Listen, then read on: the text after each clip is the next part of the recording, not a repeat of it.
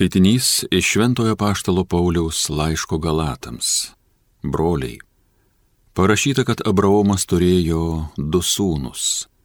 Vieną iš vergės, kitą iš laisvosios. Bet vergės sūnus buvo gimęs pagal kūną, o laisvosios pagal pažadą. Tai pasakyta perkeltinė prasme.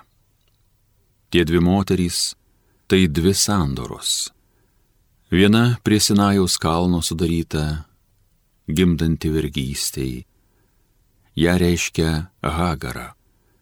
Bet aukštybių Jeruzalė laisva ir yra mūsų motina, nes parašyta pralinksmėk nevaisingoji, kuri negimdėjai, šūkauk ir džiūgauk nepažinusi kentėjimų, nes apleistoji turi daug vaikų, daugiau negu turinčioji vyrą Štai kodėl, broliai, mes nesame vergės vaikai, bet laisvosios. Kristus mus išvadavo, kad būtume laisvi.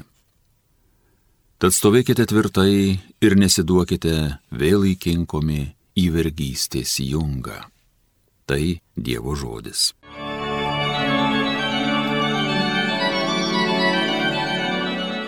Šlovė viešpaties vardui per amžius. Dievo tarnai gėdokit, garbinkit viešpaties vardą, šlovė viešpaties vardui dabar ir per amžius.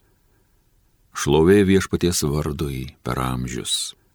Nuo pat saulėtekio iki saulėlydžio te bus šlovinamas viešpaties vardas. Aukštai virš tautų yra viešpats, garbėjo aukštesnė už dangų. Šlovė viešpaties vardui per amžius. Kas toks kaip mūsų viešpats Dievas, jis aukštybei gyvena, iš ten žvelgia žemyn į dangų ir žemę, jis kelia nuo žemės beturtį, iš purvo elgetą traukia. Šlovė viešpaties vardui per amžius. Alleluja.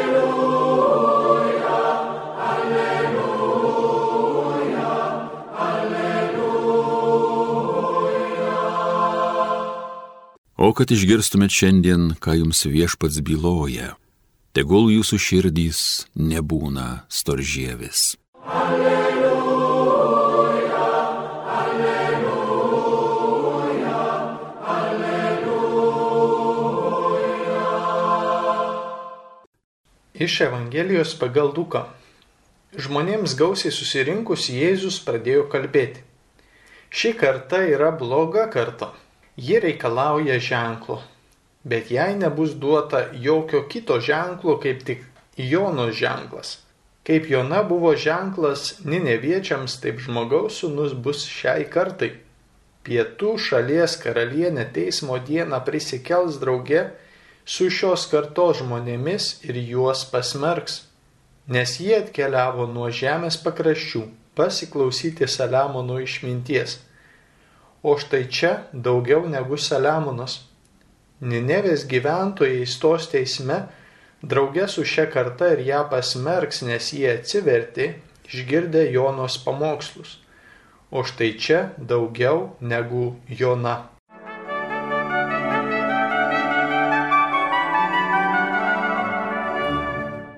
Mėlyjei, šiandienos Paštalo Pauliaus laiške Galatams girdime jo aiškinimą apie dviejas sandoras.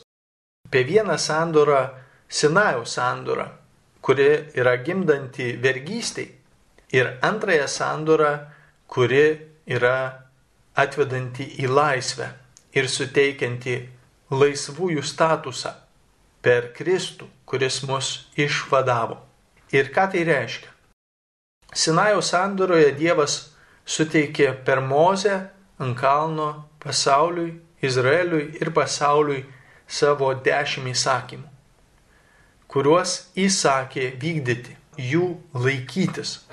Tais įsakymais nurodoma arba ką daryti, švesti šabą ir mūsų krikščionių tai yra Jėzaus Kristaus šabas, jo prisikelimas, gerbti savo tėvą motiną arba negatyvių aspektų ko vengti. Nežudysi, nevoksi, nepaleistuvausi, neturėsi kitų dievų ir visi kiti įsakymai. Taigi Dievas ir teigiamų ir neigiamų būdų mus kviečia jo planą, jo valią įvykdyti per savo dešimt įsakymų. Bet dabar, kai pasižiūrime į situaciją žmogaus, kiekvieno žmogaus šitoje žemėje, tai ta situacija yra tokia, kad kiekvienas, kiekvieną iš šių dešimties Dievo įsakymų vienu ar kitu būdu kažkada sulaužome. Ir jį sulaužome savo pasirinkimu.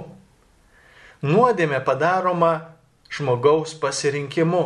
Ji nėra tiesiog, kad, na, taip užėjo, netyčia atsitiko. Jeigu nuodėmė yra pasirinkama ir padaroma žmogaus pasirinkimu, taigi žmogus tampa pat savo savo pražūties kalviu. Ir šitoje situacijoje, kada atpažįstame šią savo nelaimę, kurioje mes patys esame tos savo nelaimės kuriejai gyvenime ir išgirstame įsakymus. Įsakymai, Dievo įsakymai mūsų neišteisina, neišvaduoja iš tų nuodėmių.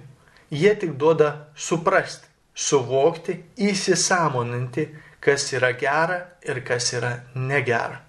Bet padaryto blogio jie nepašalina jie nepanaikina nuodėmės. Todėl Izraelyje Dievas įsteigė permaldavimo aukas, kuriuose melžiama Dievo malonės, kad jis išteisintų iš nuodėmės. Ir vis tik prieš įstatymą, kuris yra geras ir kuris yra teisingas ir kurį Dievas davė mums, mūsų samoningumui suvokti jo valią, šio įstatymo akivaizdoje mes esame tarsi vergai, kurie suvokiame savo nusikaltimus ir bijome dėl bausmės. Ir bijome, kad būsime nuteisti. Bijome, kad būsime pasmerkti. Ir iš tiesų suvokiame, jog neįmanoma savęs išteisinti Dievo akivaizdoje, nei žmogaus akivaizdoje, nei savo savęs paties akivaizdoje. Taigi visa, ką galime, tai yra pripažinti, kad esame nusidėjėliai, pripažinti, kad esame skurdo bedugnės, pripažinti, kad esame pražuvę, jei Dievas mūsų neišgelbės. Ir čia įstatymas mums yra labai naudingas ir padedantis suvokti, kas mes esame ir kad nesame teisėjai arba teisuoliai. Ir mums reikalinga išganimo, išgelbėjimo kurį atneša Jėzus. Ir Jėzus ant kryžiaus, kentėdamas, yra prisijimantis mūsų visų nuodėmę ir permaldavimą padarantis savo aukos gale už mūsų visų kaltes, bei savųjų prisikėlimų, bei mūsų tikėjimų į Jėzų kaip mūsų gelbėtoje, mus išteisinantis. Taigi esame išteisinami per Jėzų Kristų, padaromi laisvais nuo savo nusikaltimų. Bet ką paštas Paulius sako, kad jeigu mes sugrįžtame prie tos senosios sandoros, tai pagal įstatymą vis tiek mes būname nusikalteliai, nors esame išteisinti. Na jeigu aš pagal žmogišką įstatymą, valstybinį įstatymą, jeigu aš kitą žmogų primušiau, aš tampu smurtininkas ir nusikaltelis pagal įstatymą, nes įstatymas tą draudžia. Tas žmogus man atleido, aš prieš jį kalties nebeturiu, bet prieš įstatymą aš vis tiek lieku nusikaltelis. Taigi net kai priimame Dievo išganimą ir malonę sutaikinimo ar per išpažinti, ar tiesiog savo maldoje, melsdami viešpatie pasigailėk, atleisk, gailiuosi, perkeisk mano nedorybę, kaip koks Dovydas psalmėse, kaip jisai dažnai girdime jo maldavimus atleisti viešpatie nuodėmę, kurią padariau. Taigi nors Dievas ir atleidžia, bet prieš įstatymą vis tiek liekame nusikalteliai. Ir todėl apaštas Paulius sako, negryžkite prie šito stiliaus mąstymo, kad mes patys save galėtumėm tarsi mes patys galėtumėm save išteisinti ar išganyti, laikydamiesi įstatymo arba raidės, nes mes iš savęs labai puikiai žinome, ką sugebame, sugebame tik save į pražūtį vesti. Mums reikia malonės. Ir būtent ši malonė ateina per Jėzaus mirties ir prisikėlimo galę. Per sakramentus pirmiausia mus pašventinantį krikštų su tvirtinimu, tai yra Jėzaus panardinimu, Jėzaus mirtį ir prisikelimą bei šventosios dvasios jėgos, sėkminių jėgos dovana, bei Euharistiją vienybę su Jėzumi, bei kitus sakramentus išpažintimi, kuri mus sutaikina su Dievu ir gražina krikšto malonę ten, kur po krikšto esame vėl nusidėję, vėl pasirinkę nuodėmės vergystę. Ir taigi įstatymas mums padeda suvokti savo tai, kas yra gera, bloga, suvokti, kas yra teisų ir malonė arba pasitikėjimas Jėzumi, jo išteisinimu, kad jis mums atleidžia nuodėmės, bei pasitikėjimas šventąją dvasę ir prieimimas šventosios dvasios, kuri vienintelė mus gali padaryti taip, kad mes nebe vėl grįžtume į nuodėmės vergystę. Tad mums reikalinga malonės ir malonė priimama kaip Dievo vaikų statuse, kai suvokiame, jog esame Dievo mylimieji vaikai, nors ir buvome ir tebesame nusikaltėliai, nusidėjėliai prieš įstatymą. Tad Dievo gailestingumas šitoje žinioje sužėri. Kristus mus išvadavo, kad būtumėm laisvi, sako Paštas Paulius. Ir todėl Jėzaus Evangelijoje girdime šią žinę, kad tie, kurie nepriima jo gailestingumo, tie, kurie atmeta jo atneštą išganimą, jį paniekina. Jie paskutinę dieną bus pasmerkti netgi senojo įstatymo žmonių, netgi tų, kurie nepriklausė Izraeliui, bet patikėjo Saliamonu ir priėmė jo išmintį kaip Dievo išmintį, kuri buvo suteikta jam. Dievas kalbėjo per Saliamoną ir todėl pietų šalies karalienė atvykusi tapo Dievo tos priimtos žinios iš jo na, bendradarbę arba dalininkę ir todėl jinai tampa išganimo dalininkė būtent per malonę ir tikėjimą. O tie, kurie atmeta Jėzų Kristų, tie, kurie atmeta jo gerąją naujieną, mūsų išganimą atneštą mums, tai yra savęs pražudimas. Tikrąją to žodžio prasme.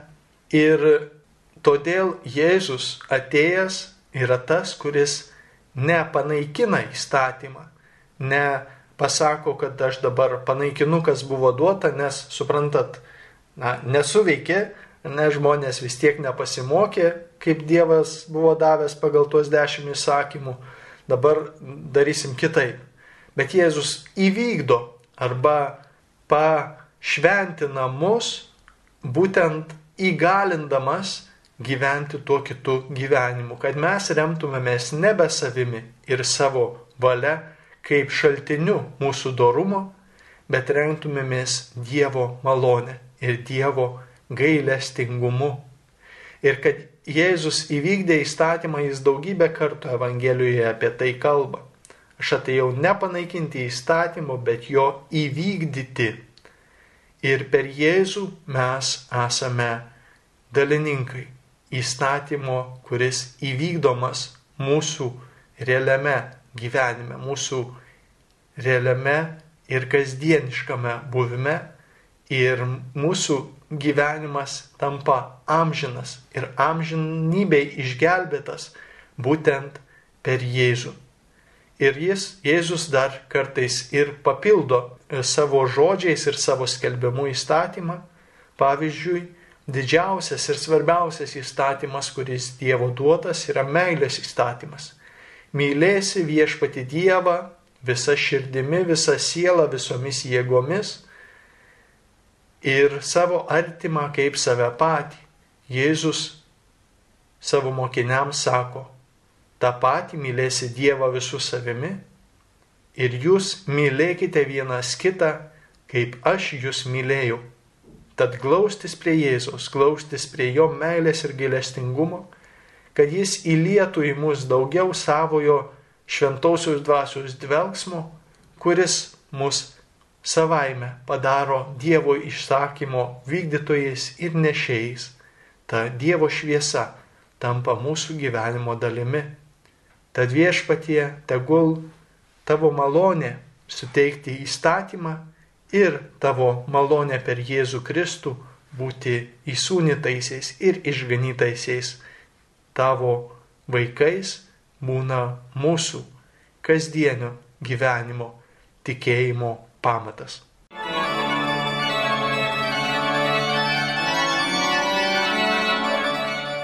Homilija sakė kunigas Andrius Končius.